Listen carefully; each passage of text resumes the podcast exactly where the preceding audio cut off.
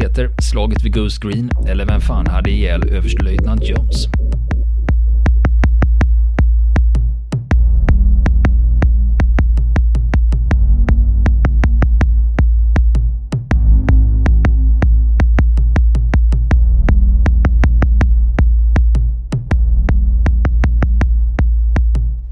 Ja, Niklas, nu är vi tillbaka vid Falklandskriget igen. Ja, vi har en tendens att hamna där. Det Men det, det, är en intressant konflikt att titta på just militärhistoriskt.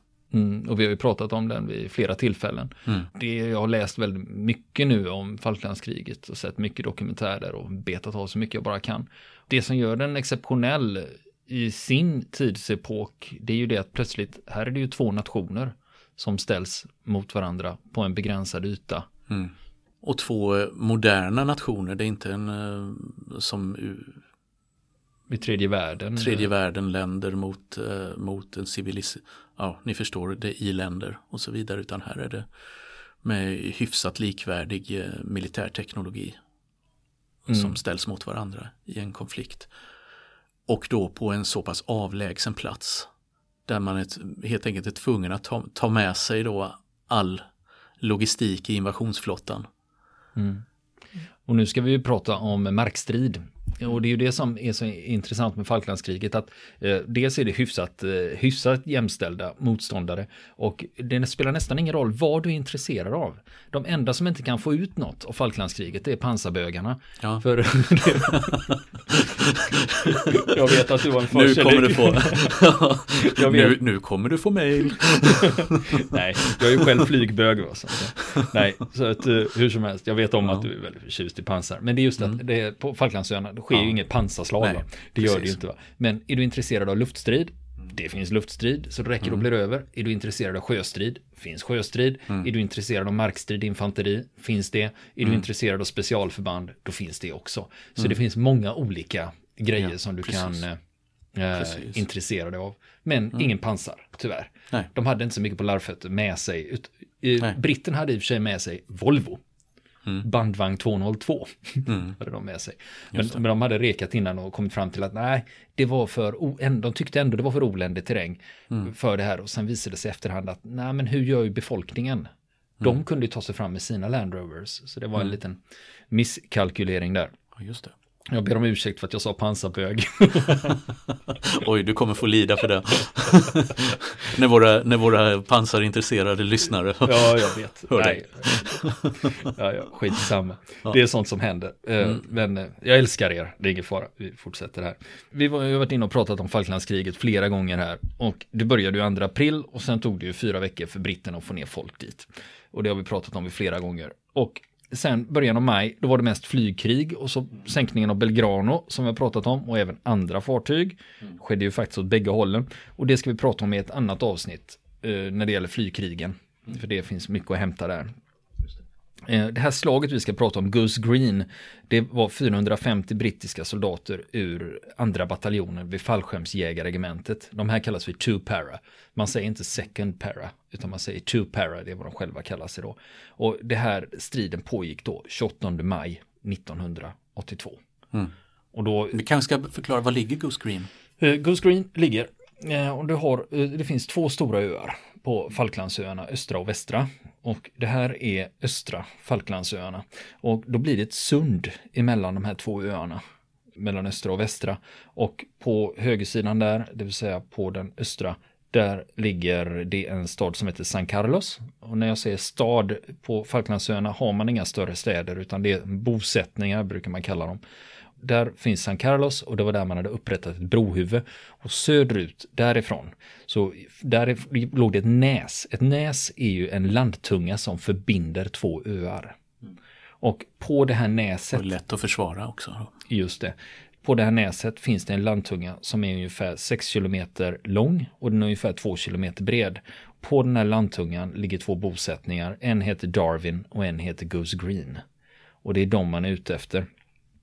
Vi kan ju prata lite om eh, eh, Two Para, som de kallar sig, andra bataljonen. fallskärmsjägarregementet, de hade ju erfarenheter från Nordirland. Det var ju primärt där de var och jobba. Men där var det ju inte så mycket reguljära strider mot en annan armé. Utan det var ju en helt annan typ av stridigheter som man var inblandad i. Men å andra sidan, när de väl kom till Falklandsöarna, de var bra beväpnade, de var jäkligt motiverade. Och nu ska vi säga så här, när vi pratar om Para, som britterna själva kallar dem, fallskärmsjägarregementet, de hade lite problem med sitt varumärke. För första bataljonen, de hade ju haft ihjäl 14 civilister i London Derry tio år tidigare. Och populärkulturellt så känner man till det här. Ni känner till YouTube-låten Sunday Bloody Sunday. Finns även en utmärkt film som heter Bloody Sunday som handlar om den här händelsen när första fallskärmsjägarbataljonen öppnar eld under en demonstration och skjuter ihjäl 14 civila. Så det här blev ett litet halvtrauma kring hela den här grejen och det gjorde att de fick lite problem med sitt varumärke. Men nu var det ju Falklandskriget då. Och då har man chansen att putsa upp det här lite då genom att göra en bra insats. Och nu kommer vi till det här med första bataljonen. För om man tittar på uppställningen, vilka trupper, vilka landtrupper som britterna skickar neråt, då ser man att two para är med, three para är med, men vad fan är one para? De fick inte åka med. För de fick vara kvar på Nordirland och hålla ställningarna. För man hade ingen annan trupp som var liksom tränad för att hantera situationen där. Så One Para får sitta på Nordirland och gnissla tänder medan kamraterna åker söderut. Mm. Och det här kom ju, eh, just Two Para, eller för de flesta kom ju det här som en överraskning, Falklandskriget, eh, att man hade ingen beredskap. Till exempel 42 Commando som är Royal Marines kommando, en av deras kommandostyrkor. De hade precis varit och övat i Norge och Para hade varit iväg och kört lite djungelträning, men vid det här tillfället var de lediga. Och eh, Two Para, deras befälhavare, eh, som vi kommer att komma tillbaka till, överstelöjtnant Jones, han var åkte skidor i Alperna när det här hände och plötsligt fick han ju avbryta det. Och vad i helvete. Då fick han ju åka hals hem, ja. Och det finns många historier om det här. När de fick beskedet och när det var dags att eh, ställa in sig. Men om man då tittar på listan vilka Thatcher skickar ner. Det är ingen dålig lista. Vi har ju two para, vi har three para. Eh, från fallskärmsjägarregementet. Sen har vi Eh, kommandos från Royal Marines Commandos skickar man 4 Commando, 4-2 Commando, 4-5 Commando. Så mm. det är mycket elit. Mycket elit och man nöjer sig inte med det här. För när det är krig, då kommer SES. så, mm. Just det. Man, SES kommer dit, ja. är på väg dit och inte bara SES utan deras systerorganisation SBS som heter Special Boat Service. Som av någon outgrundlig anledning inte uppmärksammar i lika hög grad som SES. Mm. Men vi borde nästan ta ett litet avsnitt mm. och prata om bara SBS, eh, Special Boat Service och berätta Precis. vad det är de håller på med. Mm. Eh, och sen som inte det här räcker så har vi dessutom Gurka med också. Just det. De nepalesiska, Gurkorna, ja. mm. eh, den nepalesiska elitenheten som har tjänstgjort i, i Storbritanniens armé sedan 1800-talet. Mm. Ja, och sen kan man ju krydda på lite med Scots Guards och Welsh Guards också fick åka med. Hårda. Så att man har ju liksom Hårda satt killar. ihop det här då. Ja, och, och, då gäller det att se, men vad har argentinarna att sätta emot då? Ja, det, det förhärskande bilden det var att det var 18-åriga värnpliktiga med dålig utbildning som mm. blev hunsade av sina elaka officerare. Och det stämmer ju till viss del, men man hade även lite tuffare förband. Och det kommer vi att titta närmare på i ett annat avsnitt när det gäller de argentinska specialförbanden som var nere på Falklandsöarna. För där finns det många saftiga bra historier som vi kommer att ta del av. Men här skickar britterna det bästa de har med förhoppningen att det här ska vi nog avsluta ganska fort. Och när vi tittar på motståndet som vi redan har berört, va? argentinska soldaterna, det var lite så, så lite blandat. Men beväpningen är ganska okej. Okay. Men eh, den kommer jag komma tillbaka till också. Men många av de värnpliktiga, en del var ju till och med neråt 16 år, de behandlades som skit av officerarna. Och det här tänkte jag direkt när jag läser om det här, att är inte det här lite typiskt för diktaturer?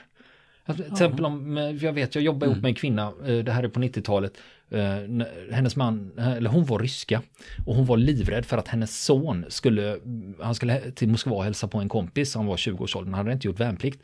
Han var hon var livrädd för att han skulle bli tagen av polisen när de skulle kolla hans papper och se att han inte gjort värnplikt. För gör du värnplikt i Ryssland är det inte säkert du överlever. Och det är inte bara det att tjetjenska kriget pågick just då, att det var risk att han blev skickad dit och bli dödad, utan när du, gör, när du gjorde värnplikten i Ryssland på den tiden, kanske likadant idag, så var det en överhängande risk att du faktiskt dog. Mm. Det problemet eh, dras den ryska armén med fortfarande. Mm.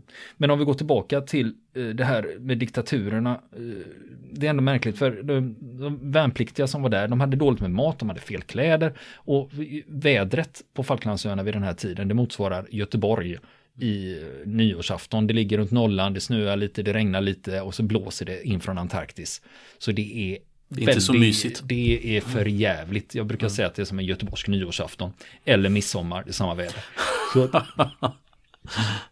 Så att, mm. Men då hade man ett straff för de här värnpliktiga som stal mat. För de, dels fick de ju stjäla mat från sina egna förråd eller så fick de stjäla från bo, eh, Falklandsborna, det vill säga de som bodde där.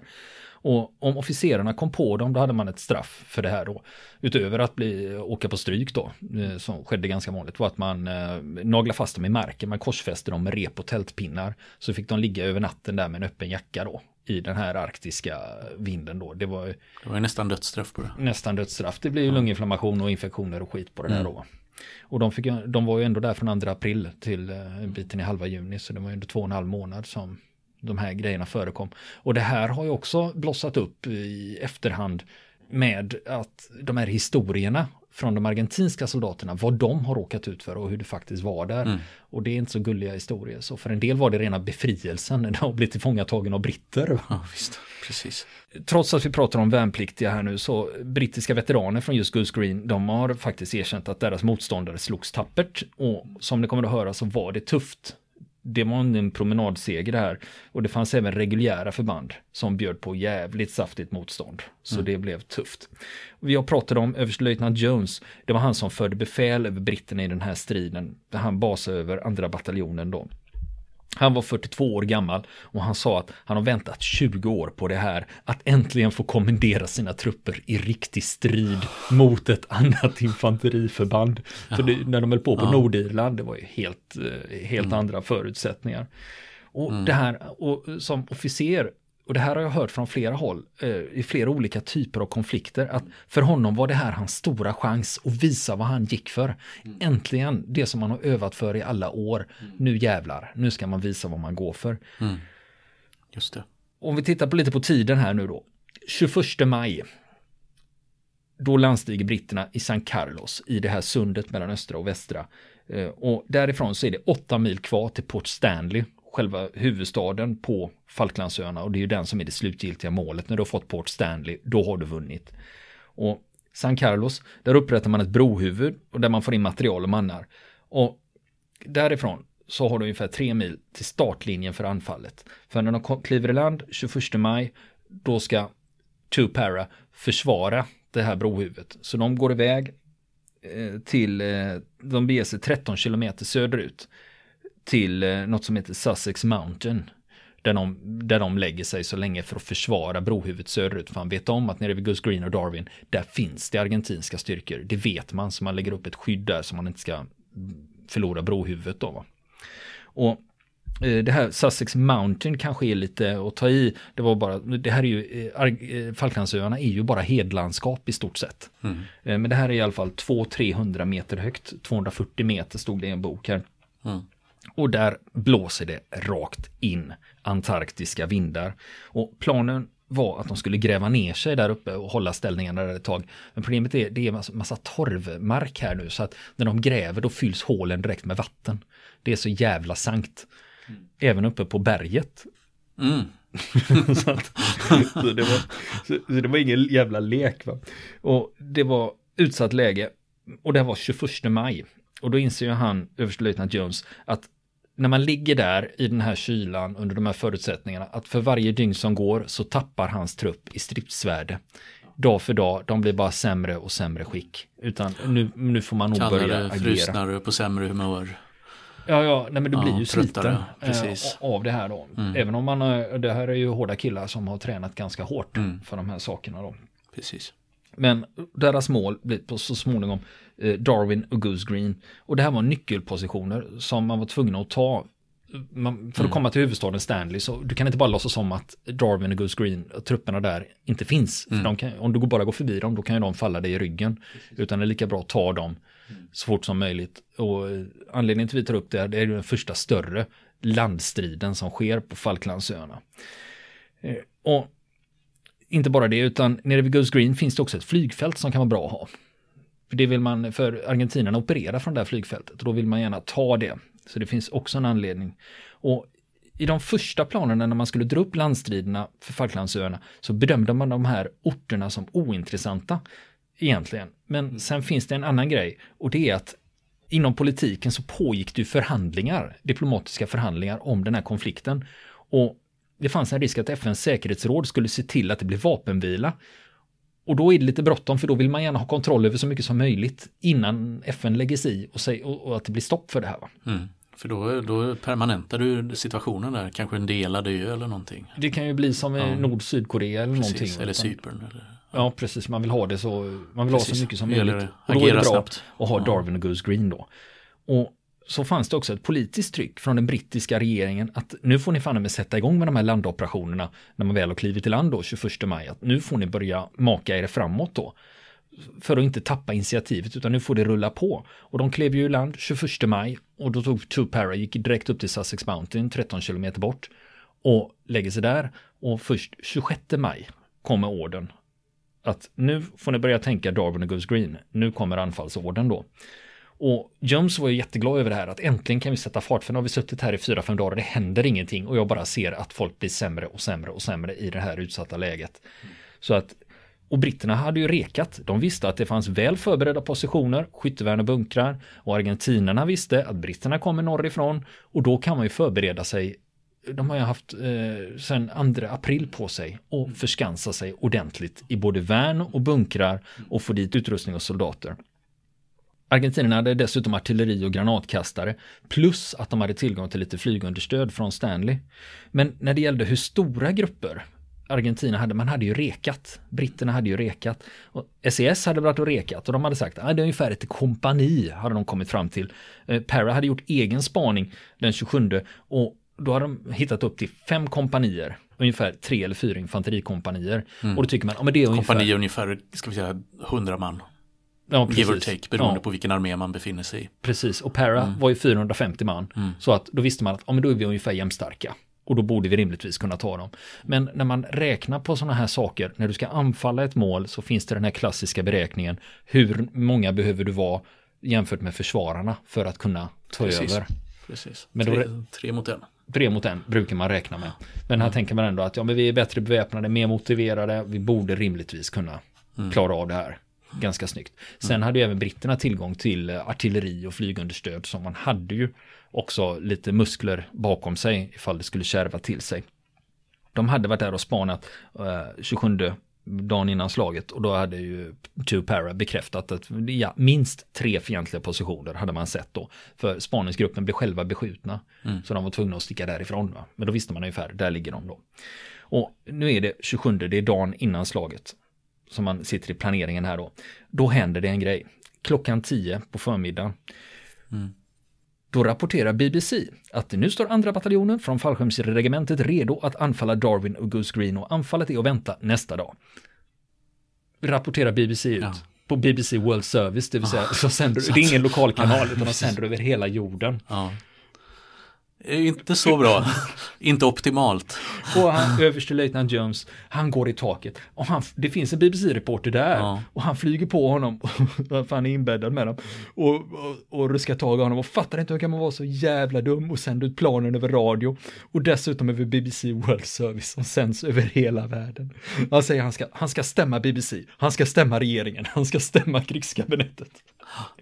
Och, -huh. Men då kommer nästa fråga. Hade argentinarna lyssnat på BBC överhuvudtaget? Ja, det hade de. Men de tänkte att det är nog en krigslist. För ingen är så jävla dum som man sänder ut sina krigsplaner över radio. Ja. men, man visste, men, ja. men, men, argentinarna visste ja. ju att nu ligger de på Sussex Mountain. och det är ju enda vägen. Ja, och man vet att anfallet vägen. är mm. förestående då. Va? Ja, precis. Och argentinarna då, som hade förberett sig ordentligt, de hade artilleri, luftvärn och flyg att tillgå då. Och ni kommer ihåg avsnittet om Black Buck One, där man hade slagit ut startbanan i Stanley. Ja, eh, man lyckades ju reparera den ganska eh, ganska okej. Okay. Så den var i så pass bra skick att de kunde skicka flyg därifrån för att understödja en eventuell strid vid Goose Green. Och det som framförallt hotar britterna, det var attackplanet Pucara. Och det är ett attackplan som är argentinskt, det är alltså byggt i Argentina. Och det togs i tjänst 1975, så 82 var det ganska modernt. Det var ingen gammal skit det här va. Utan man hade två 20 mm kanoner och fyra 762 kulsprutor i det här planet. Plus att de kunde bära med sig olika typer av robotar och bombkapslar. Och det här är ett plan som är designat för attackflyg. Det vill säga de är gjorda för att slå till mot markmål. För det är turbopropplan som inte är så snabbt. Utan det här är konstruerat för att slå till mot enheter på marken. Och det här näset som vi pratar om, det förbinder ju två större öar, det har vi redan pratat om. Mm. Och Britterna ligger laddade uppe på Sussex Mountain och de ska anfalla norrifrån. Och den här planen de hade som överstelöjtnant Jones hade räknat ut, den var väldigt komplex för den inbegrep fyra kompanier, A, B, C och D. Och de skulle ta sina mål på den här halvön genom sex olika rörelser i sex olika faser. Så det här var om ni går dit så då rycker de fram och då tar de din och då går ni om och gör en omfattning. Så den var lite väl komplex. Den här försvåras av att man ska börja mitt i natten. Man ska börja klockan två lokal tid. Och så ska man göra första delen på, på natten. Och sen när det ljusnar, då ska man i stort sett vara klar vid sextiden då. Så det är så tidplanen ser ut. Och man ska rycka fram då, och slutligen ska man svänga vänster och så ska man ta flygfältet och Goose Green. Och man har en startlinje som man tar sig ner till då. Och från där anfallet startade tills det nådde, slutmålet då, då hade vi, det var 6 kilometer som man skulle ta sig över det här öppna hedlandskapet med lite höjder och sånt. Och är det riskabelt? Ja, så in i helvete. Men de skulle starta anfallet i skydd av mörkret och så skulle de få artilleristöd av ett fartyg i närheten som heter HMS Arrow. Så det var det som var planen. Att precis när anfallet sätter igång, då, då sätter vi igång med eget artilleri, granatkastare och eh, mm. HMS Arrow får skjuta utifrån havs då mot de argentinska ställningarna och så kör vi. Den här planen gick ut på att man skulle klara av det här på fyra timmar. Start klockan två på natten och så ska man vara framme i mål klockan sex och kanske lite stridigheter efter det också. Men överlag ska det inte ta längre tid. Och i efterhand alltså det här med att vara efterklok då, det märker man ju på de författarna som skriver om det här slaget, att det finns flera åsikter om att britterna borde haft med sig mer tunga vapen. Det fanns till exempel mer artilleri, mera, de hade 105 mm pjäser som man kunde få fram och det fanns fler exemplar av en pansarvärnsrobot som heter Milan, som jag kommer att komma tillbaka till. Mm. Och sen hade, sen hade britterna inte alla sina granatkastare med sig. Men Förklaringen till det här, det var att det var bråttom och alla förseningar skulle sänka stridsförmågan. För nu, det är ju, stridsförmågan sjunker ju, så det finns också historiker som tycker att nej, men gjorde, man gjorde rätt. Man tog med sig tillräckligt mycket för att klara av det här. Mm. Men man kunde självklart tagit med sig mer, men då hade det tagit längre tid. Mm. Så man måste hela tiden göra Precis. en avvägning. Och fienden hade varit ännu bättre förberedd. Ja, det är ja. ju det. De det var ju bra förskansade liksom. redan. Ja, Istället för de här tunga grejerna så stärkte man upp kompanierna med mer kulsprutor som kunde ge ännu mer eldunderstöd till framryckningarna. Så det gjordes. Och i nästa avsnitt får vi höra om hur anfallet inleds mot Darwin och Goose Green. Vi har fått eh, fältpost i fronten. Eh, det är från Simon. Han skriver så här. Hej fronten. Vi börjar med att tacka för en lärorik och underhållande podcast precis i rätt mix. Jag har en fråga angående er signaturmelodi. Vad är det för typ av horn eller instrument som används och kan man någonstans ladda ner den? Jag klämmer in en fråga på samma ämne. Finns det några kända strider eller krigsskeden då krigshorn har använts för att blåsa till ett sista anfall eller något annat episkt stridsmoment alla Lord of the Rings? Fortsätt med er grymma podcast. En önskan till framtiden är ett avsnitt om elitförband under andra världskriget. Ha det gott, Simon. Och Eh, när vi börjar med signaturmelodin, det är ju ett horn vi hör i början där, en trumpet alltså, som, som blåser. Nu blåser den inte till strid i och för sig. Det här hornet ni hör i början, det är alltså är, är lite trudelutt. Det är en rättighet på det som heter Creative Commons, det vill säga du får ladda ner den och använda den till vad du vill. Och eh, den heter Bugle Call och du hittar den på freesound.org. Och där kan du ladda hem ljud och de får du lov att använda till saker oavsett vad du vill, om du vill använda det för din egen hobby eller använda det kommersiellt. Och det är därifrån den här trumpetstöten kommer som ni hör i början av signaturen. Och eh, jag vet att Simon hörde av sig för han, eh, jag tror han ville ha den som eh, ringsignal på sin telefon. Mm. Jag tror det var därför han hörde av sig. Och sen kommer ju nästa fråga då. Eh, han har ju redan fått svar på det. Jag mejlat tillbaka till honom var han kunde hitta den då. Sen frågan också om det finns några kända strider eller krigsskeden då krigshorn har använts för att blåsa till ett sista anfall. Och det är ju klart mm. det har. Ja, det är klart. Ska... Ja, jag tänkte på General Custer. Ja. till exempel. Ja, och Little Big Horn. Ja, visst alltså. Där, trumpet använder man ju på eh, långt fram i tiden som kommunikationsmedel på slagfältet. Men eh, nu kom det så plötsligt frågan här så jag försöker fundera om man kan komma på några fler tillfällen med just horn konkret. Den får, jag, den får jag nog återkomma till för jag blir nog svaret skyldig just nu. För jag tänker långt fram i tiden här om man kan komma på några bra exempel. För det har ju varit ett ja. utmärkt kommunikationsmedel mm. i stridens larm där det är väldigt svårt att ropa ut mm. order och göra sig hörd. Mm. Men då har man ju överenskomna signaler att de mm. betyder olika saker. Mm. Och jag vet i flottan har man använt sig av sådana här visslor och mm. och armén hade ju reglemente långt fram på 40-talet tror jag. Där man kunde lära sig olika trumpetstötar. Och vad de betydde. Mm. Och fortfarande kör man ju revelj. Ja, det är ju en, eh, en rest av det här. Är det det, med trumpet. Mm. Med trumpet. Visst. Även om det är inspelat och det mm. inte är en person som står och tutar. Va? Precis, men det är ju, det är ju en kvarleva. Eh, sen har vi ju de skotska säckpiporna som används långt fram i tiden till exempel. Och andra musikinstrument. Men eh, jag får nog återkomma. Ja, om den. jättebra. Ja, jag, jag, vågar inte säga någonting för, för att det, risken är att jag trampar i klaveret. Mm. Och sen kan det ibland vara att man har en, till exempel mm. säg att uh, man ser en film som handlar om något speciellt och där man mm. har någon som blåser till strid. Mm. Men så visar det sig att så var det inte i verkligheten utan det är något som filmskaparna har hittat på. Mm. Så, sådana saker förekommer ju också. Jajamän, precis. Ad addera lite dramatik i ett skede. Det är ju vanligt. Kavalleriet kommer. Mm, precis. Tack ska du ha Simon. Ursäkta att vi avbryter. Vi får göra ett litet tillägg till Simon och er andra som vill ha tag på det här ljudet och så en liten rättelse. Ljudfilen finns mycket riktigt på freesound.org och korrekt namn på den är Last Post 3. Då är alltså siffran 3 och man behöver inte skriva ut THREE. -E. Vi lägger in en länk till ljudet på vår Facebook-sida så ni kan hitta det därifrån. Nu ska vi prata litteratur och den här gången blir det facklitteratur. Och inte vad som helst, utan den här gången är det SoldF. SoldF, skojar du med mig? Nej, nu pratar vi faktiskt saker som eh, kan vara intressant ja. för stora delar av våra lyssnare. Ja. För jag, det är så här att eh, Soldef, för er som inte mm. känner till den, Soldef är en förkortning, det står för soldaten i fält. Mm. Och det är manualen för svenska soldater. Mm. Så här, fick alla värnpliktiga. Fick alla värnpliktiga. Och så här, eh, så här krigar vi. Och så här eh, är man när man är en svensk soldat. Så det är så att säga instruktionsboken. För när jag gjorde lumpen, då hade vi 1986 års utgåva. Just det. Och det kanske du mm. också hade? Den hade jag också. Ja. Du hade 86 mm. Och den som ligger ute på Försvarsmaktens hemsida, den här ligger alltså öppen. Det är bara att gå in och googla på den så är det bara att gå in och läsa. Den ligger som pdf. Och eh, det här är ju 2001 års upplaga, så det är det så att säga den uppdaterade versionen. Och det jag kan se som skiljer från 86 till 2001 det är ju att man framförallt har börjat fundera mer över det här med drönare och mörkerstrid, mm. det vill säga de tekniska Mm, eh, de tekniska aspekterna har gått framåt och det har även Soldef också mm. Eh, hängt med. Och det är roligt, den är indelad i olika eh, sektioner beroende på vad det är man ska tänka på. Det finns också en lite mer internationell aspekt i den här upplagan av Soldef där man då pratar om interaktion med andra och bland annat tar man med NATOs bokstaveringsalfabet och sådana saker. Mm. På det viset har det också förändrats, precis som det svenska uppdraget från, åt Försvarsmakten har förändrats, så har den här följt med. Mm. Och här kan man också lära sig mycket praktiska saker som man inte hade en aning om i vardagen. Som till exempel... Som att gräva ett skyttevärn.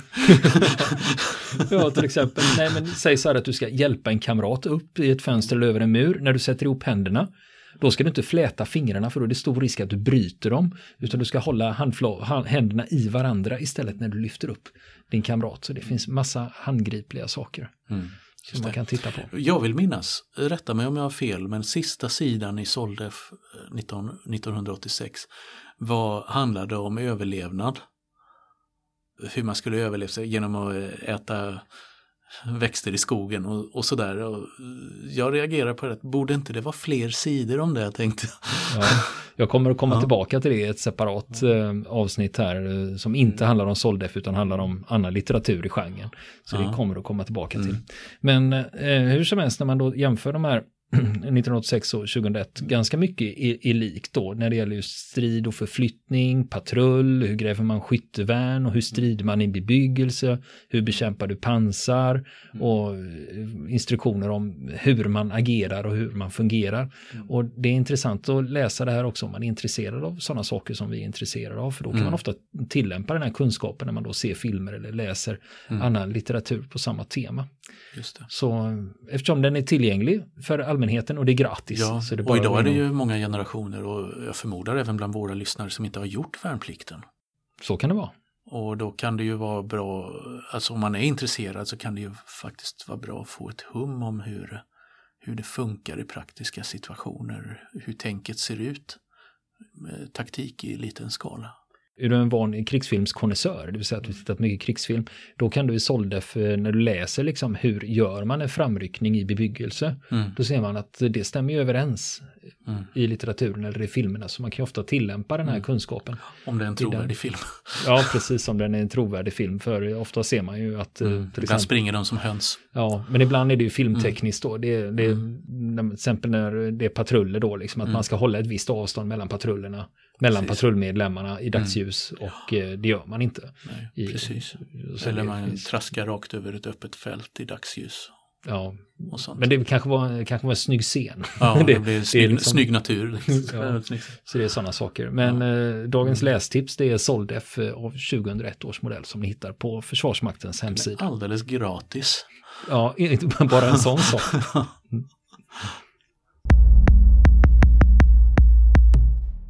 Så har vi goda nyheter till våra frontkamrater som lyssnar på fronten. Och det här gäller serien med Joakim Martin, alltså Veteraner berättar slutstriden i Berlin. Det var redaktionen på tidningen Militärhistoria som hörde av sig till oss och sa att det är ju synd om era lyssnare sitter och lyssnar på det här och inte kan följa med i grafiken från deras egen tidning då som Joakim Martin sitter och pekar på under tiden vi intervjuar. Så nu kommer ett exklusivt erbjudande till fronten-lyssnarna från tidningen Militärhistoria. Och det går ut på att ni kan mejla dem och så får ni en pdf med grafiken och artikeln över luftvärnstornen i Berlin som de publicerade i somras 2015.